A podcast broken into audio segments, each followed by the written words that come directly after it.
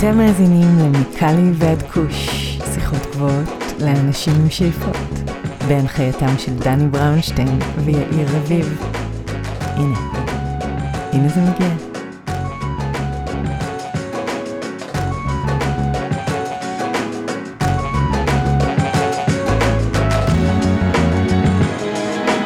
אהלן אהלן, מה קורה יאיר? אני בסדר גמור דני, מה שלומך אתה? סביר כן, האמת סביר מינוס, אבל בוא לא ניכנס לסיפור. לבעיות הפרטיות שלך. אה, בדיוק.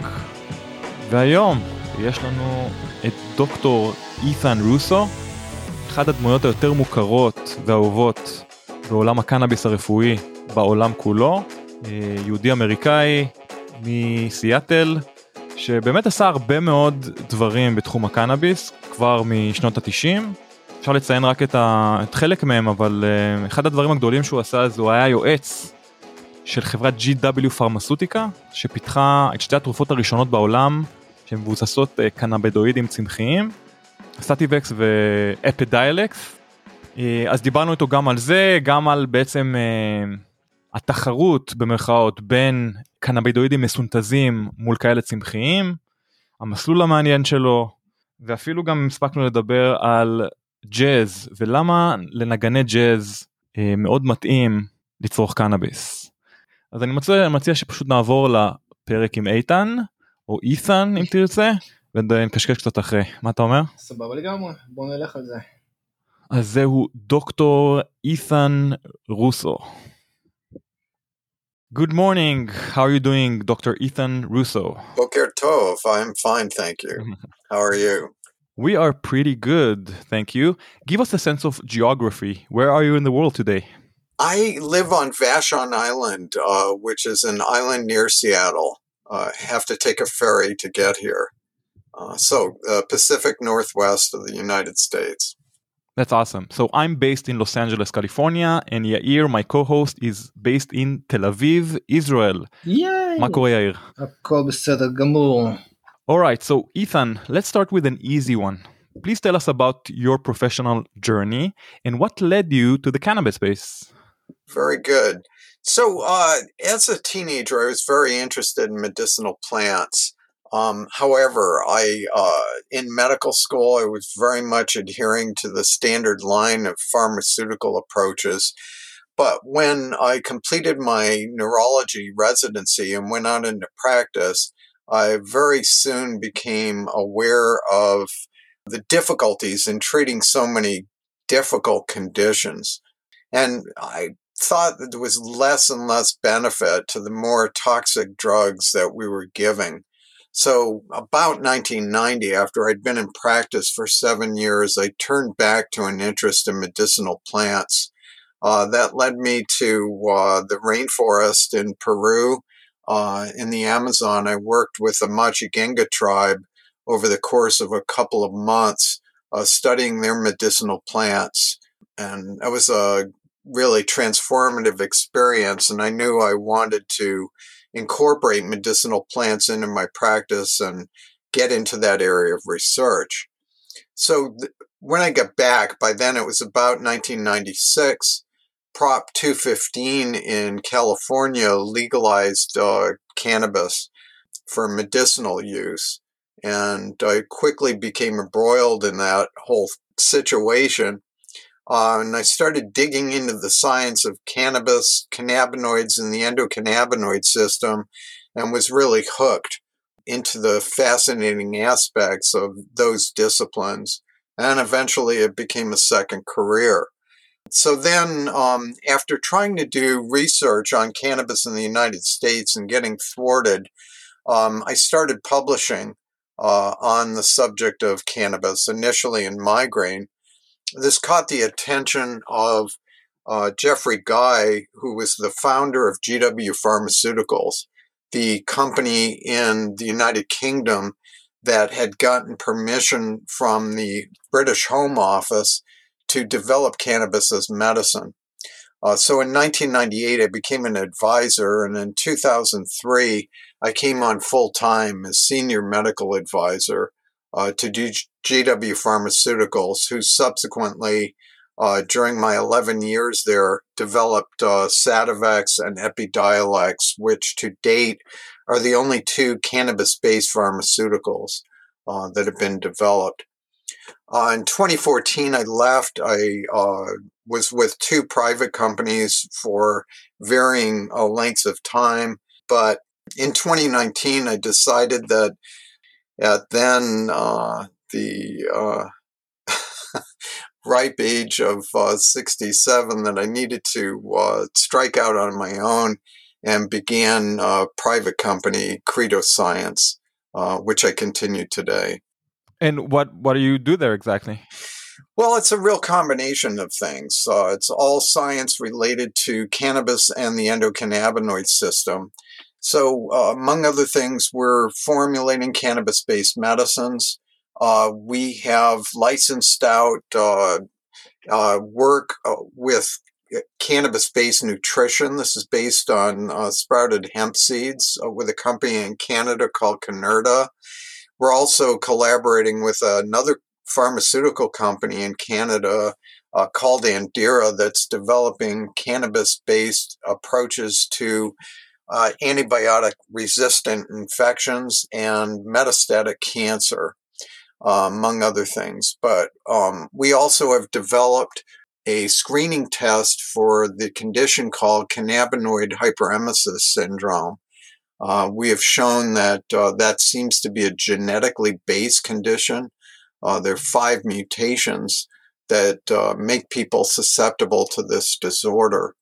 Uh, we also have uh, cannabis based treatment for head lice, and it goes on from there. So many different items we're interested in pursuing.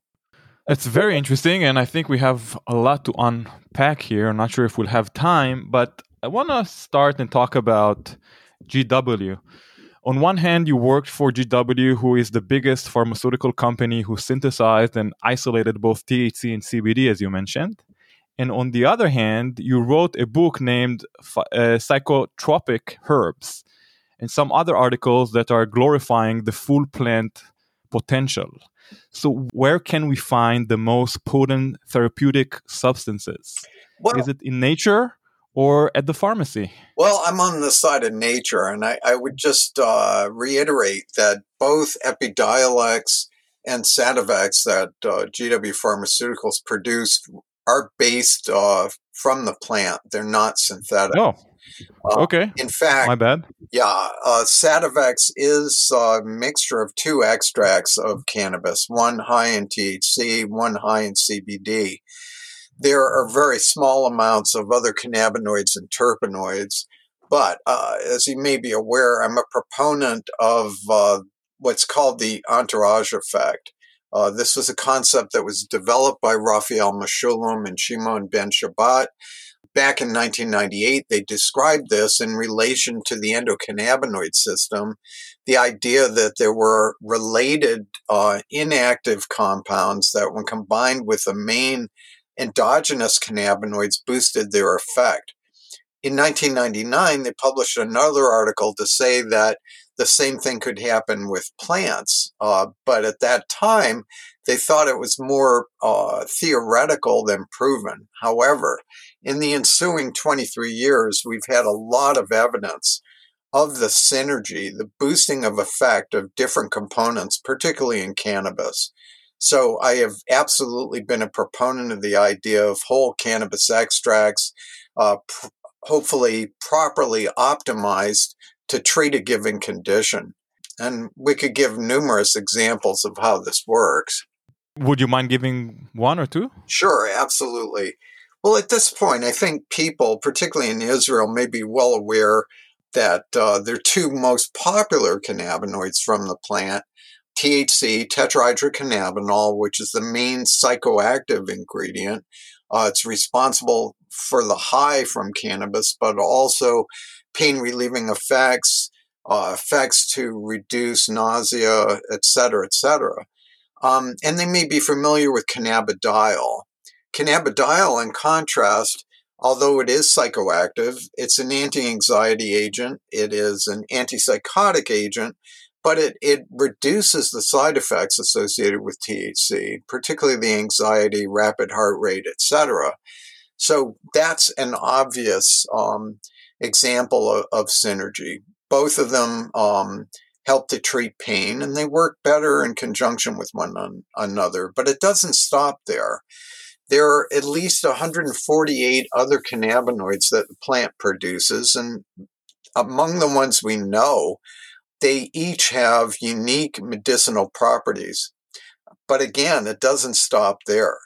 There are some 200 terpenoids, aromatic components of cannabis, that also complement what the cannabinoids do. Um, so these are the things that give cannabis its smell. And uh, depending on which ones are there, they can contribute to the pain relieving effects. They can modulate uh, mood, uh, have an antidepressant effect, anti anxiety effect. So it makes for lovely combinations uh, that can increase what's called uh, the therapeutic index of a cannabis based medicine. What that means is that um, you can counteract the side effects of THC make it a more acceptable medicine and uh, really hone in on the particular symptoms that are associated with a particular disease.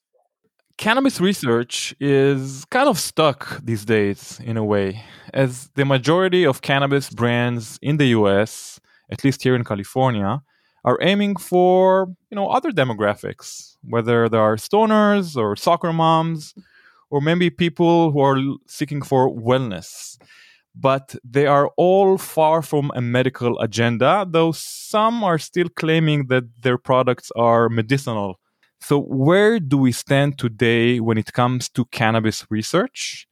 And is the majority of clinical research on cannabis and cannabinoids coming from the pharma space?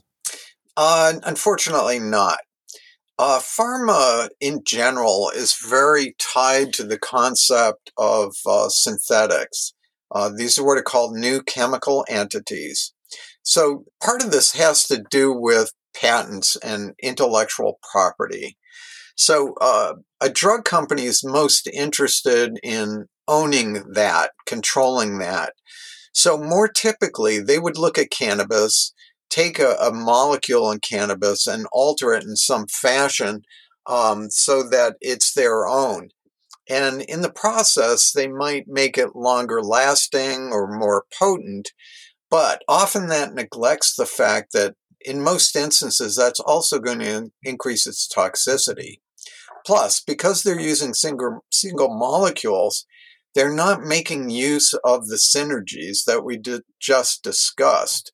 So, the main thrust of pharmaceutical research into cannabinoids is in these synthetics uh, for the most part and not on optimizing what cannabis itself can do. And what you said is so, true. We we have right now uh, so many products, particularly in the United States, but the industry is not uh, properly I'm not going to use the word policed, it's not regulated in a fashion that ensures uh, safety and efficacy. So it's really difficult for the consumer to have any idea about the products they're buying.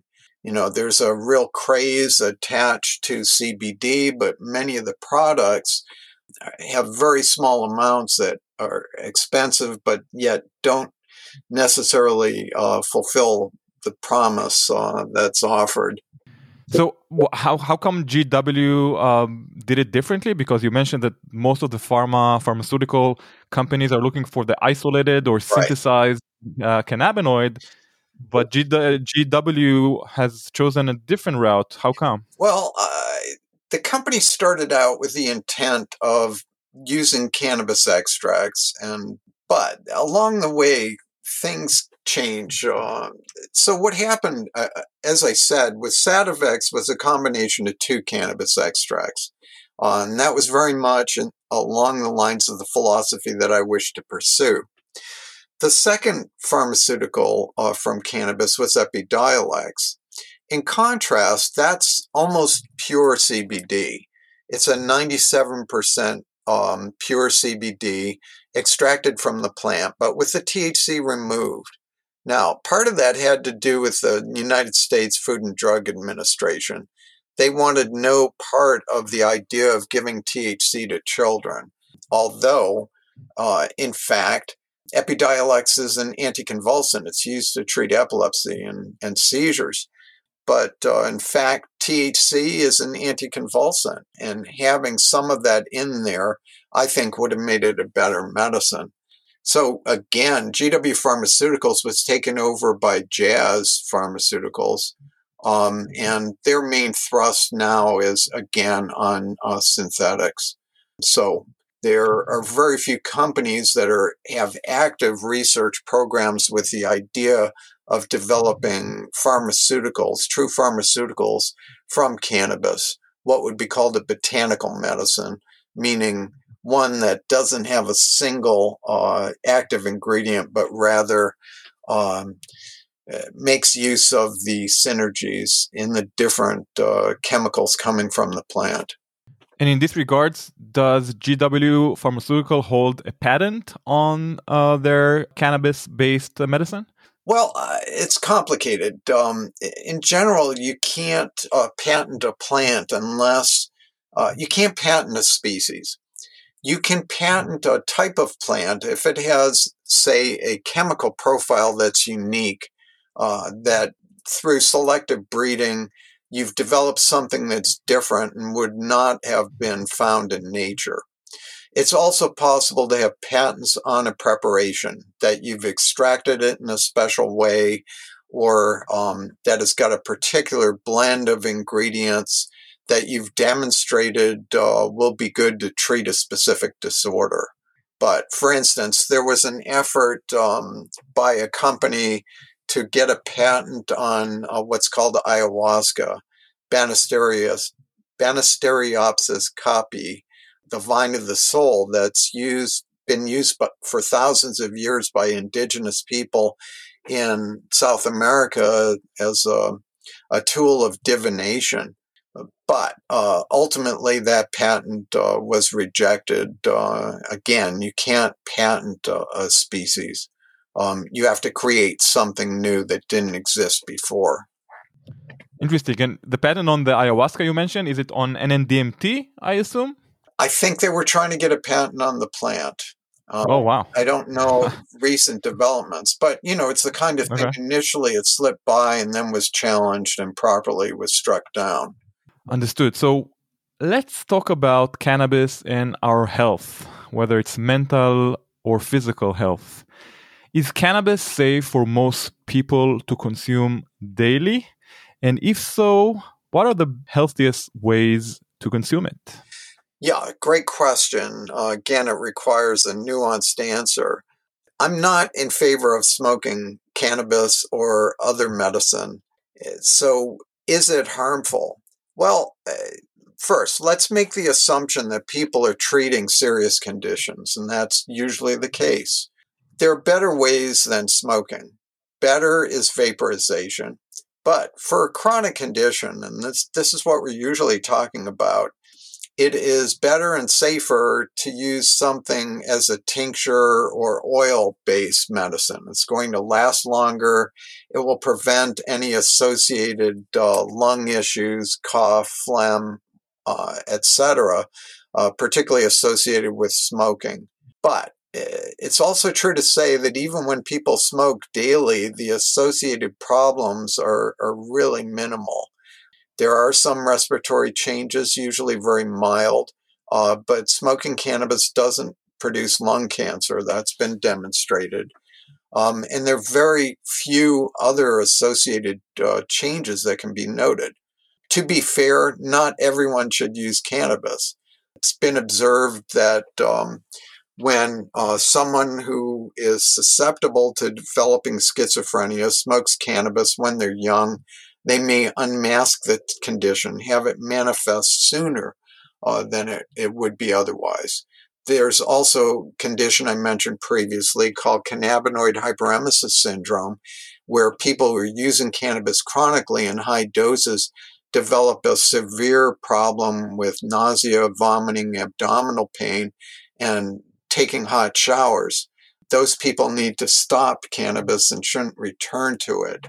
But particularly with oral preparations uh, used in proper dosing, uh, cannabis based medicines are extremely safe. As a medicine, I understand that it's safe. What about you know recreational use, Sure. adult use?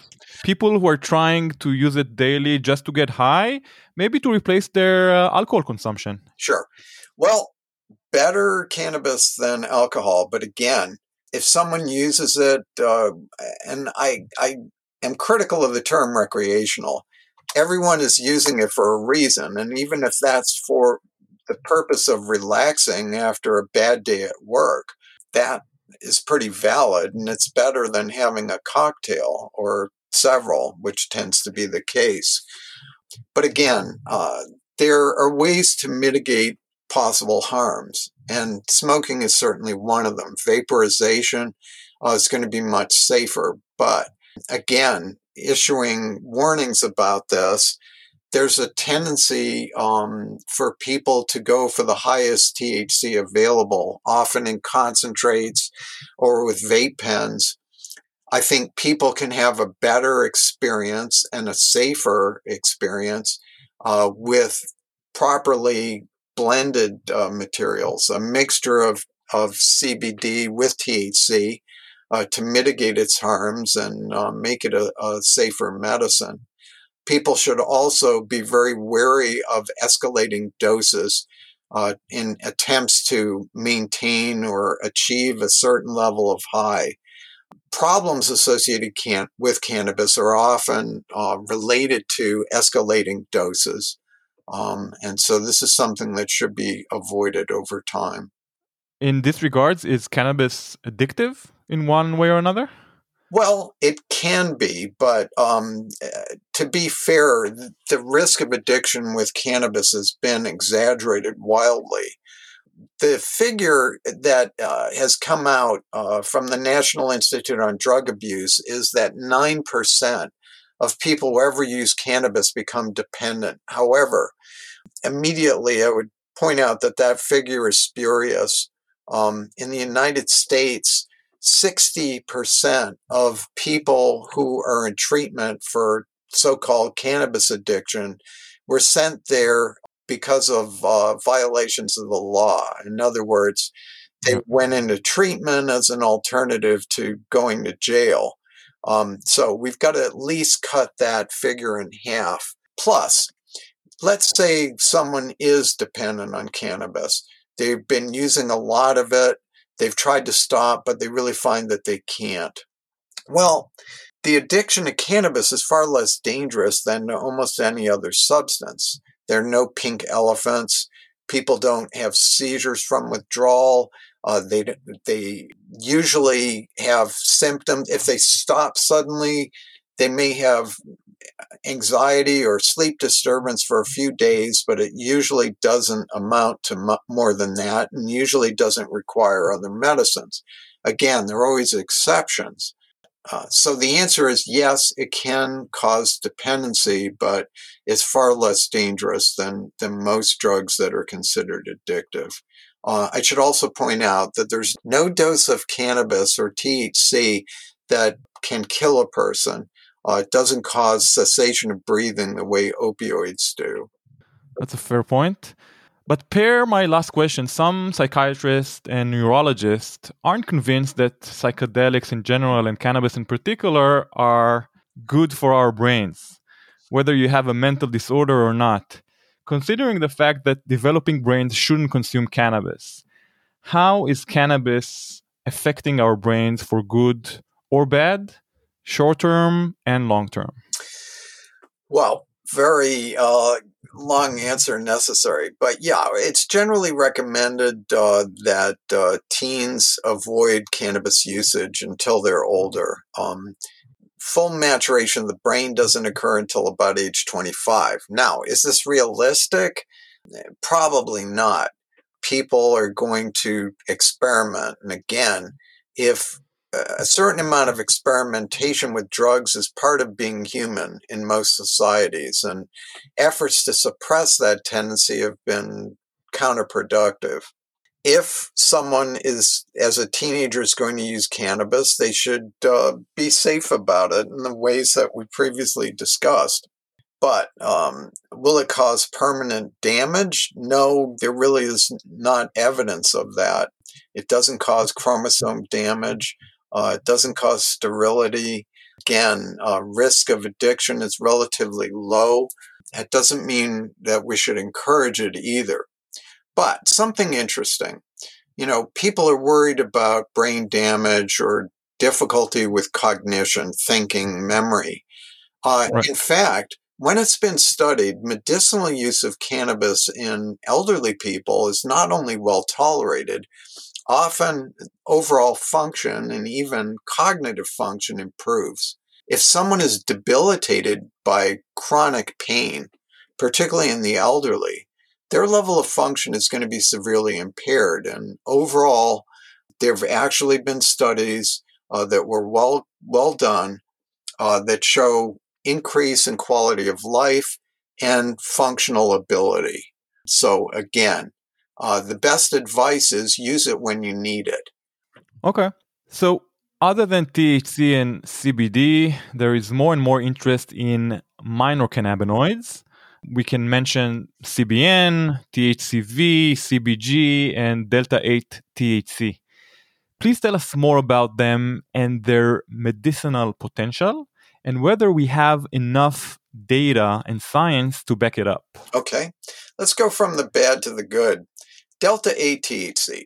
This is a trace natural component of cannabis. However, the, it's not commonly available, and there are no uh, chemovars, chemical varieties of cannabis, that are predominantly delta 8 THC. So uh, it is possibly less psychoactive than delta 9. It hasn't been tested head to head. The problem is the delta 8 that's available, especially in the US, is synthetically derived it's been made from CBD because some people believe that it's legal. That's debatable. The real problem is it's made synthetically, it's not pure, and in, inevitably uh, is contaminated with other products of the synthetic process, like Delta 10 THC, Delta 6 THC. We know even less about them. Uh, also, there can be other byproducts that are potentially toxic. So I'm not in favor uh, of um, commerce in delta 8 THC. Next, okay. CBN, cannabinol. Cannabinol is an oxidative breakdown product of THC. So if we have cannabis that's aged, uh, the THC will turn into CBN eventually. What we can say about it is it's about a quarter of the potency of THC. It's more state shelf stable than THC, but it really doesn't offer any particular advantages. It's been touted as a sleep aid. However, there was a very good study uh, published last year that looked at all the studies of CBN and sleep, and there's very little to corroborate that it offers any advantages. It is a way of using cannabis that's past dates uh, and salvaging something that uh, can be sold. But I, I'm really not in favor there. Now, we really have to take a clean break when we're discussing the others. Cannabigerol. We did the first survey of people using cannabigerol uh, last year, um, 127 uh, people. And uh, this seemed to be extremely effective in treating a number of conditions, including sleep, anxiety, depression, and pain. But there were about 27 other conditions where people used it in some fashion and found it beneficial. Almost everyone who used cannabigerol found it superior to prescription drugs that they may have taken for the same condition. We didn't see any dose escalation. We didn't see any withdrawal uh, associated with it. Uh, so it seems to be quite safe. I would uh, highlight the idea that uh, it seems to be a very effective agent in treating anxiety, and it does it without being sedating or addictive. We saw no evidence of dependency associated with its use. It, By the way, more than CBD in this regards? uh, it's more potent than CBD. Uh, requires a lot fewer milligrams uh, to treat uh, anxiety. Definitely, we can say that much. Plus, um, from prior studies, lab studies, and animal studies, um, CBG has great promise in treating certain types of cancer, particularly a very common prostate cancer. Additionally, it has strong antibiotic properties, including against uh, some antibiotic resistant bacteria, such as methicillin resistant Staphylococcus aureus, that's associated with a lot of hospital based infections. So, this is an extremely promising agent. Then we have tetrahydrocannabivarin. This is like THC, but it's got a three carbon side chain instead of five. Now, it's different to THC. Um, THC stimulates something called the CB1 receptor, which is responsible for the high of cannabis, but also pain reduction and other beneficial effects. THCV is what's called a neutral antagonist at this receptor. So it, in contrast to THC that stimulates munchies, the being uh, stimulates hunger, uh, THCV suppresses hunger to some degree and is proven useful in treating uh, some of the lab problems associated with what's called the metabolic syndrome, uh, where people develop insulin resistant, they're usually overweight, uh, and can lead to type 2 diabetes. So THCV has shown promise as a possible diet dietary aid also treatment of metabolic syndrome and um, the uh, type 2 diabetes. Beyond that, it has some anticonvulsant effects. It may be useful in treating nerve based pain, neuropathic pain. So, this is a very promising agent as well. Sounds interesting. I want to go back for a second and talk about dosage. You mentioned CBD requires a higher dosage compared to CBG when it comes to anxiety. Right. Can you give us some information about dosage on CBD? Because here in California, we know that the standard dose, quote unquote, is 10 milligrams. What's the standard CBD dose, whether I want to treat anxiety or something else? Well, uh, I'm not sure that there is a standard dose. What we point out first that when CBD is an isolate, it's just CBD. The studies that have been done in humans have usually required uh, hundreds of milligrams uh, to show effects on anxiety. There was a, a study by Bergamaschi out of Brazil on they required 300 milligrams or more to sh- show treatment effects in social anxiety. Uh, they would ask people to do public speaking when it was something that made them nervous. Now, there have been studies with CBD preparations that hopefully were extracts, may have had other components.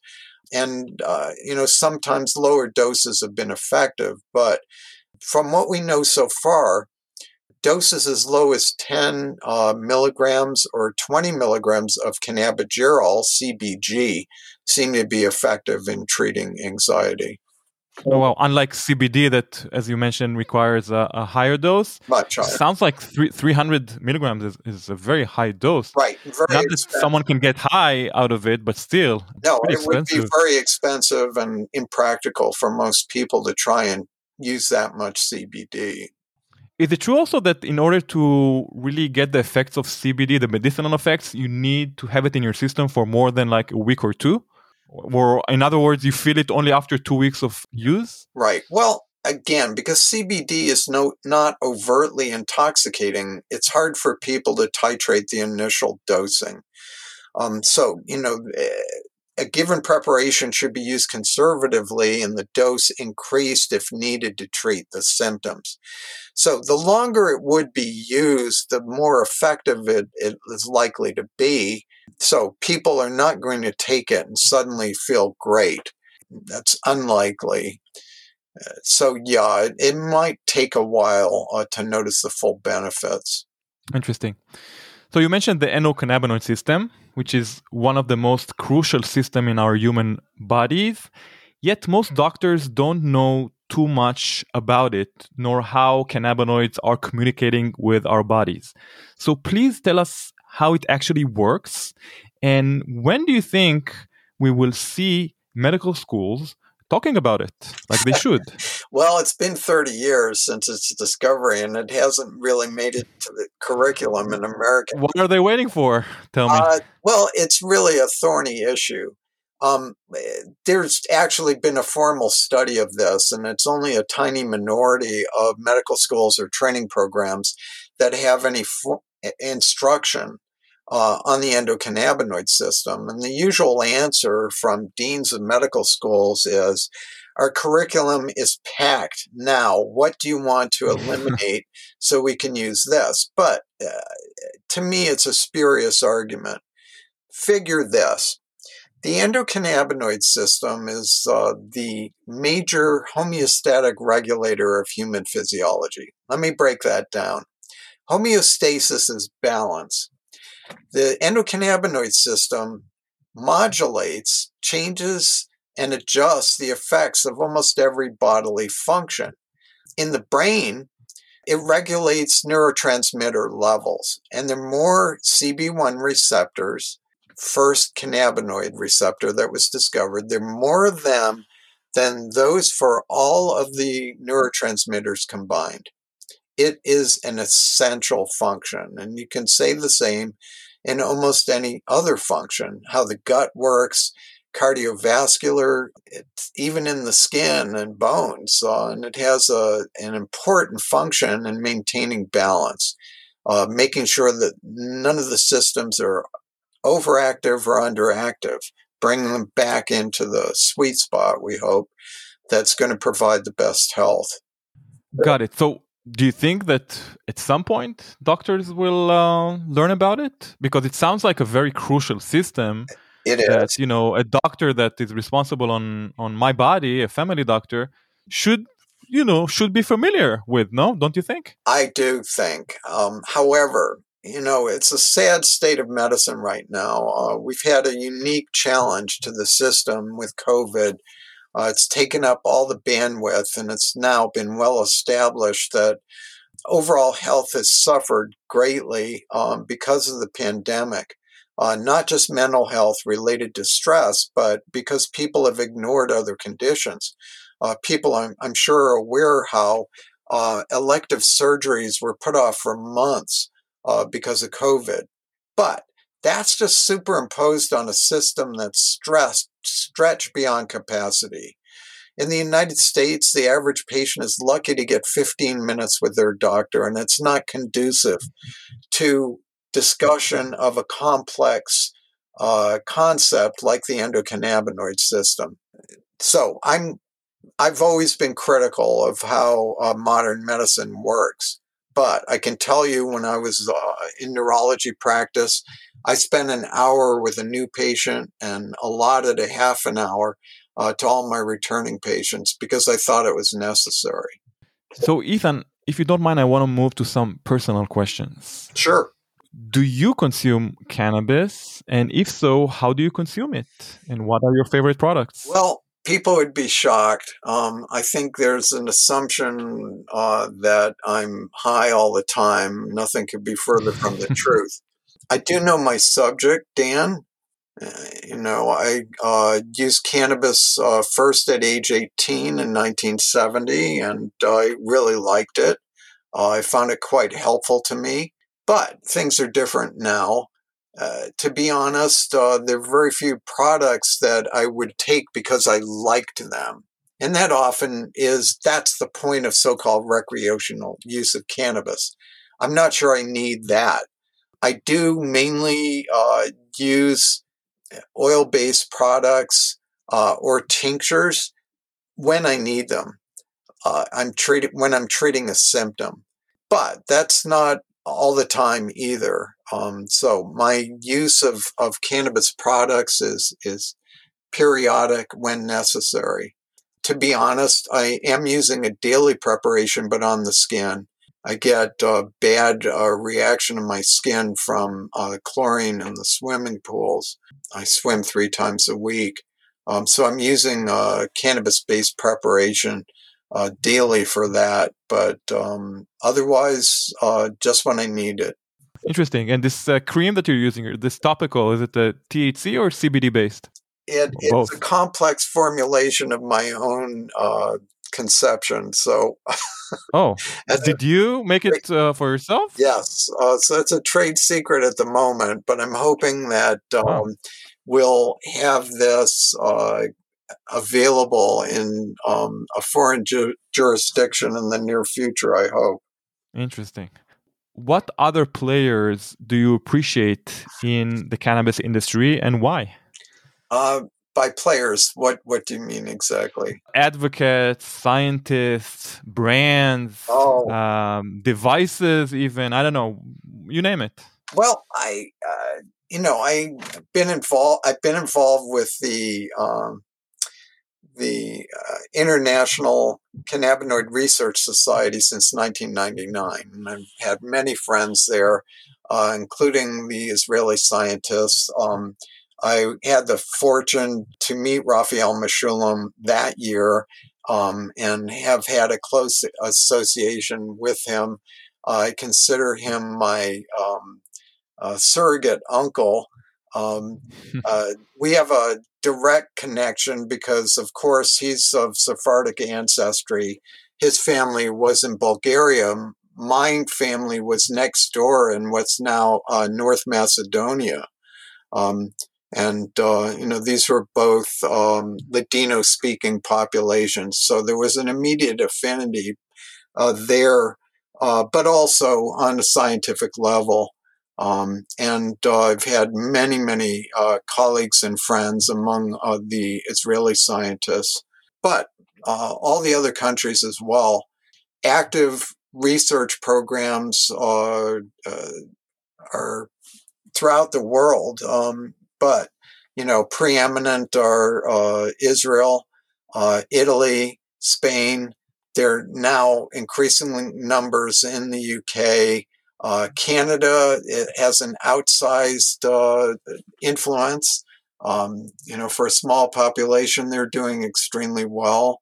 But you know, on the product side, um, uh, again, I've got to be critical. I, I and a lot of this is due to roadblocks to research, uh, especially in the U.S. It's extremely difficult um, to do proper studies of, of cannabis in this country, and it explains why uh, for the last 26 years, I've spent a majority of the time working for foreign companies or now my own company because I, I think that we need better products that are truly optimized for purpose, that are going to be both effective and safe, but also have high quality with standardization so that people can be sure of the response over time. Uh, the worst thing that can happen to a medical patient is to have something that works for them and then have it no longer available. Right. Yes, that's a common pitfall, but this can be avoided uh, again through proper selective breeding, cloning, vegetative propagation, um, and uh, quality control can be maintained. That doesn't mean it's easy or cheap, but certainly it's scientifically achievable.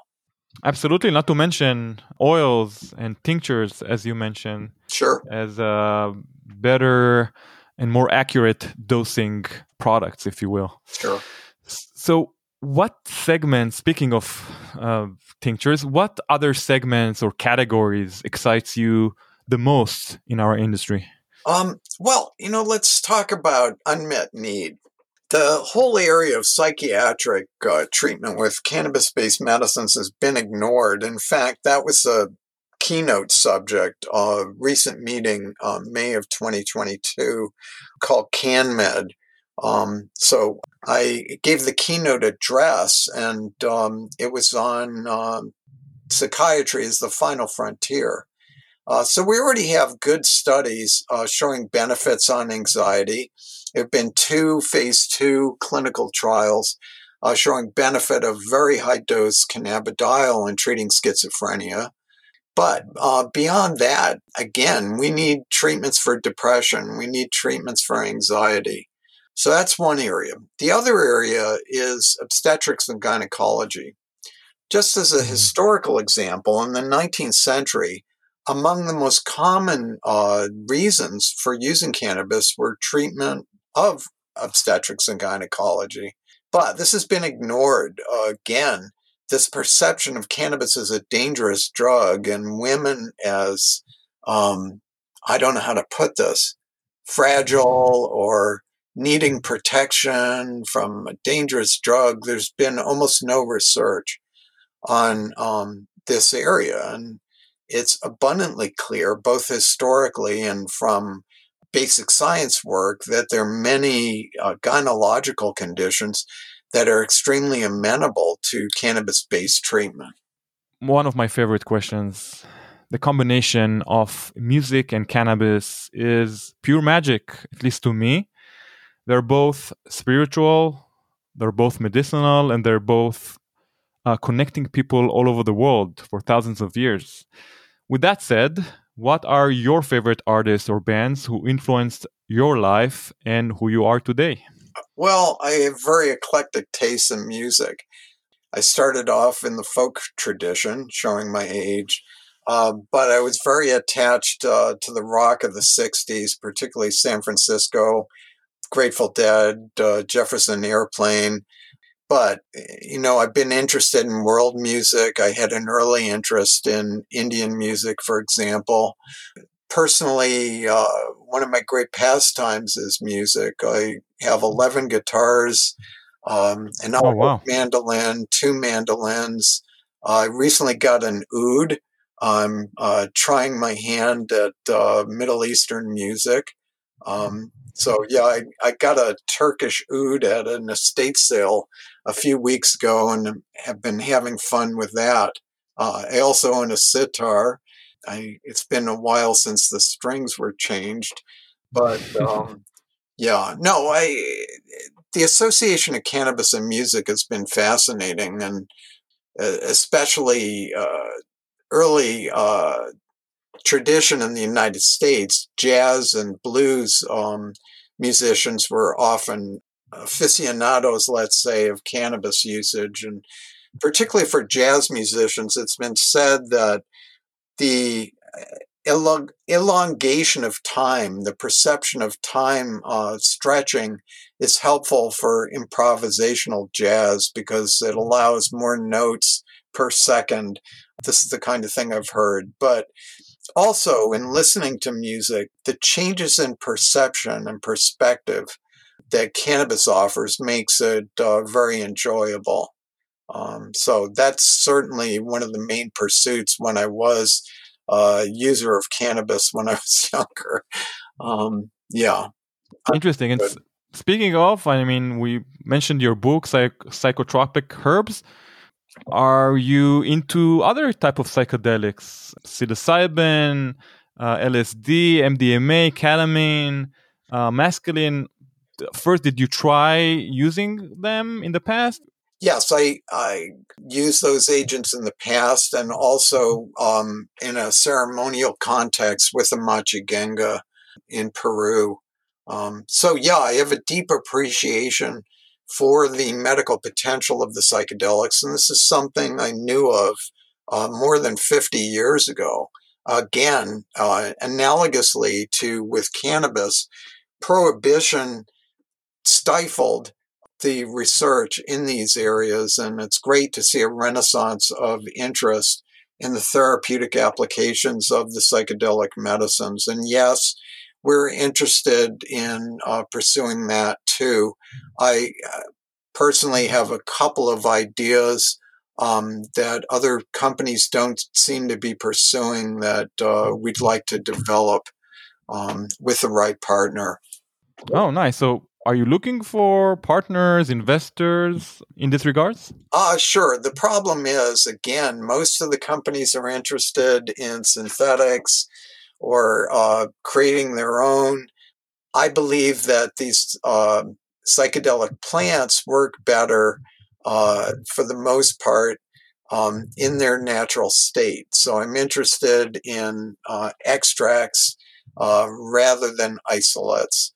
So um, again, many companies are pursuing psilocybin. I think instead they should be uh, pursuing extracts of psilocybe mushrooms. Um, so, yeah, I, I, would be interested in talking to companies that uh, have the same interest uh, and orientation in this regard. Awesome. And speaking of, I'll just mention that uh, this week Netflix has aired a new series, a docu series named "How to Change Your Mind," uh, where author Michael Pollan uh, leads the way of this docu series and exploring the history and the uses of psychedelics, um, whether it's LSD, psilocybin, MDMA, right, etc. So, yeah, highly recommend watching this uh, series. I saw the first three of those, and uh, included were many scientists uh, that I have been friends and associates over the years. Oh, nice. Uh, do you recommend this series so far? Uh, yes, it's very good. Very, very good. So, last but not least, what will the cannabis and pharma intersection look like in 10 years from today, in your opinion? Well, I hope that it includes a number of agents that have met regulatory approval, that are FDA approved or EU approved. But to me, it is essential that include uh, cannabis based uh, pharmaceuticals and not just isolates. I hope that some of the companies that we're working with will have products uh, available uh, by that time. Uh, I'm going to be old then. I'll be 80 in 10 years. Um, but I hope that uh, the work that I'm, I hope I remain capable of contributing to this area in the meantime. Uh, because as you've heard, I certainly have strong opinions on how I think it should be done. It doesn't mean I'm right, but um, I I'd like to be right. uh, we hope that you're right, and we hope that you know more companies will take the a botanical approach rather than the synthetic approach. Although again, it will hurt their wallets, it will hurt their balance sheets, etc. We know it. Well, again, there are ways around it, and the what we need is more preliminary studies that show the therapeutic promise and safety, and then things may change. Uh, but we're trying hard to make that happen. Amen to that. Let's hope for the best. So, Dr. Ethan Russo, before we end up, where can our listeners follow your work, your project, right? Uh, research sure. online? Okay, a couple of places, and thank you for asking. Um, our company website is credo science.com. So that's C R E D O dash science com. Uh, so there's a lot of information there. Um, I have a personal website, ethanrusso.org. Um, particularly there, there's a tab called the library, uh, and all of my papers are available there and book chapters. Um, and those are available for download this is legal uh, under the copyright laws because it's my personal website and it's there for educational purposes.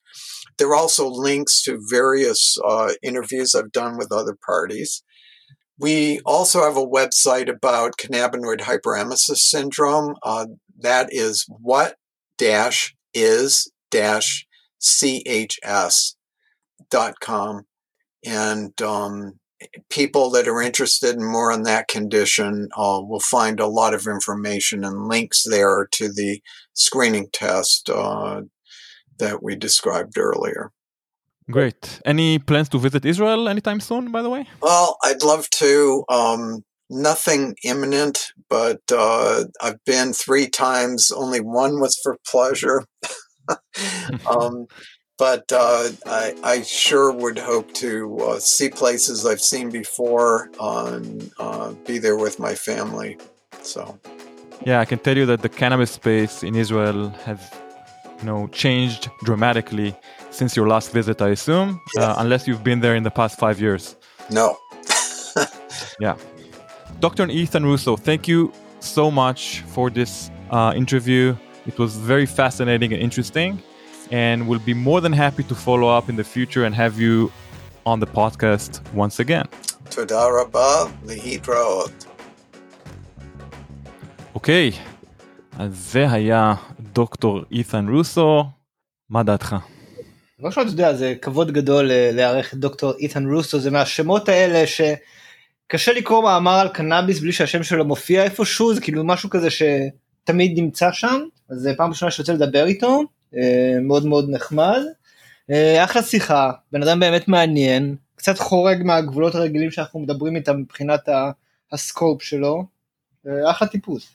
אז כאמור באמת מדובר באדם שעשה הרבה מאוד בתעשייה, מכאמור אה, ייעוץ לחברות פארמה עד אה, הקמה של החברה שלו וכלה בכתיבה של אה, לדעתי עשרות מאמרים בנושאים שונים של קנאביס רפואי האחרון שבהם הוא הזכיר גם על CHS. אני חושב שזו התופעה שדיברו עליה שמגיעה בעקבות צריכת יתר של קנבינואידים בעקבות דאבים בעיקר. לא רק, צריכה מופרזת של קנאביס, אני שמעתי גם על עישון ועל אכילים שיכולים לגרום לתופעות דומות. פעם גם טענו שזה בכלל לא מגיע מקנבינואידים, טענו שזה מגיע מזה שיש uh, שמנים ביותר מדי מוצרי קנאביס ואז האשימו את זה, אף אחד לא בטוח ממה זה בעצם קורה הדבר הזה. מעבר לזה דיברנו, תשמע, נושא שאנחנו לא מעט מדברים עליו זה הדיסקונקט בין תעשיית הפארמה לתעשיית הקנאביס.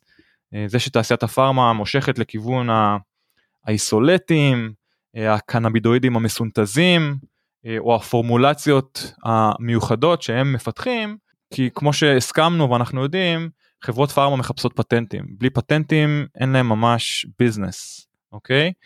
אז מצד אחד חברות הפארמה, מצד שני בעצם תעשיית הקנאביס, צמח הקנאביס, צמח הוליסטי עם יותר מרק קנבידואיד אחד, מדברים על THC ו-CBD אבל כמובן יש מעל 140 קנבידואידים ידועים למדע וגם איתן זאת אומרת גם על זה שהוא על אף שהוא עבד ב...